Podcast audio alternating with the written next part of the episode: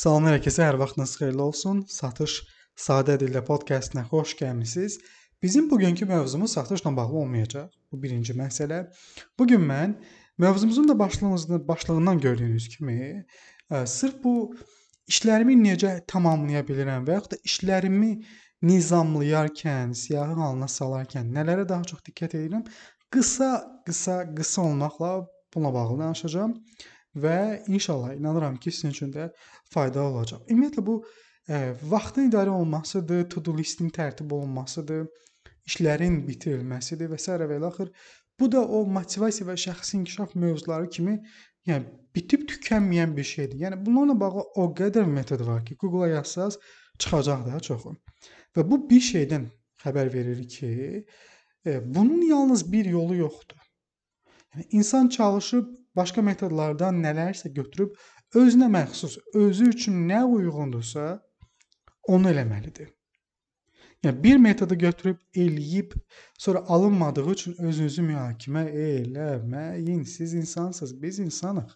Yəni nəyisə almaması çox normaldır. Elə bizim mükəmməl olmamağımız işin mükəmməl tərəfidir. Və bunu qəbul etmək əslində özü bir ali varlıq olduğumuzu göstərir.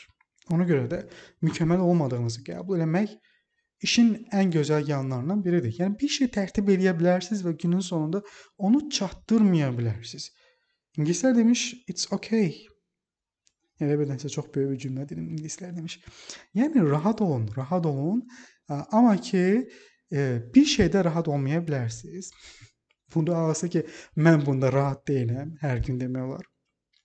Məsəl üçün mənim e, gündəlik gördüyüm işlərdən biridir. Bəzi günlər əlbəttə ki, eləmirəm, tam səmimi deyəcəm, amma əksər hallarda bunu eləyirəm. Məsəl üçün bu podkast, indi mən bu podkastı axşam saatlarında yayımlayıram. Bu podkastdan sonra oturub yenə də e, bu gün bu axşam üçün görəcəyim işləri yazacağam, bir də sabah üçün görəcəyim işləri yazacağam. Məsələ budur. Nə işləriniz varsa bir siyahıya alın. Sadəcə oturun, yazın. Yazmaq çox gözəl bir şeydir. İşi yazdınızsa, demək olar ki, e, bir çox şeyi həll eləmiş olursunuz artıq. İnanın mənə. Nəyi görməlisinizsə onu yazın, bu gün və ya sabah üçün. Daha sonra o işlərə bir dənə bir baxın. Kənardan məcazi mənada. Görün o işlərdən hansı sizə daha çox qazandıran işdir. Yəni bu qazanmaq mənası da insandan görə dəyişir. Məsəl üçün mən burada qazanmaq deyəndə maddiyyat baxımından deyirəm. Yəni mən ola bilsin ki, mənim görəcəyim işlərdə sabah mənim görüşüm var, zənglərim var, follow-up'um var, e-mailim var, daha sonra mənim sosial media postum var, videom var, podkastım var, hər nədirsə. Onları bir-bir sıra sıralayacağam. Nəyə görə? Hansı mənə daha çox qazandıracaq və o ardıcıllıqla birinci, ikinci, üçüncü yerləri dolduracağam. Və ən çox ağırlığı ora qoymaq istəyirəm. Çünki mənə maddiyyat olaraq gəlir gətirən hissə odur. Aydındırmı? Digərlərini isə günün sonuna saxlaya bilirəm. Digərlərinə isə daha rahat yanaşa bilirəm. Ən birinci görəcəyim iş mənə ən çox qazandıran işdir. Bu mənim üçün ən önəmli faktordur. Yəni mən bunu bunu özüm üçün mayak tuturam həmişə. Sizə də bunu tövsiyə edirəm. Sadəcə olaraq sizin üçün önəmli olan nüansları müəyyən edin və e, siyahıya aldığınız işləri də ona uyğun tərtib eləməyə çalışın. Hə, bir də başqa bir şey deyəcəm əslində. Bu mənim ağlımda idi. Elə sizlə danışa-danışa Ə, əslində podkasta başlayanda birdən ağlıma gəldi ki, buna toxunsam daha yaxşı olar. Biz bəzən yanlış yerlərə fokuslanırıq. İnanın mənə. Yəni insanlar e, gün ərzində məhsuldar olmaqlarını axşam yatmağa bağlayırlar.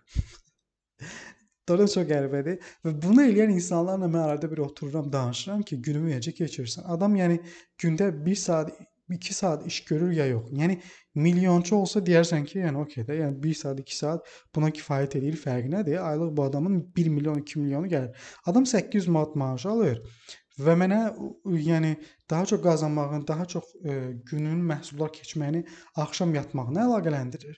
Amma ki, günün gün günorta saatlarını boş keçirir, səhəri boş keçirir, plansız keçirir.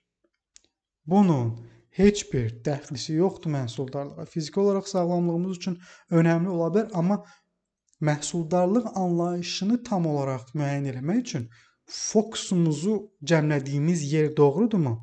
Axşam saatları mı olmalıdır, gecə saatları mı olmalıdır, yoxsa oyaq qaldığımız saatları necə keçirdiyimiz mi önəmlidir? Bu çox önəmlidir. Buna fikir verməyə çalışın. Deməli, birinci nüans nə oldu? Sadəcə və sadəcə olaraq e, sizin üçün dəyərli, dəyərli olan nədirsə və yaxud ən önəmli olan nədirsə, ona uyğun görəcəyiniz işləri nizamlayın e, ki, ən çox enerjini hansı işlərə qoyacaqsınız və görmədiyiniz işlərə görə özünüzü çox da mühakimə eləməyin. Əsas odur ki, əsas işləri görüb qutardınız. Yerdə qalanında özünüz eləməyə çalışın. İkinci məsələ də e, fokusumuzu düzgün yerə ayırmaqdır.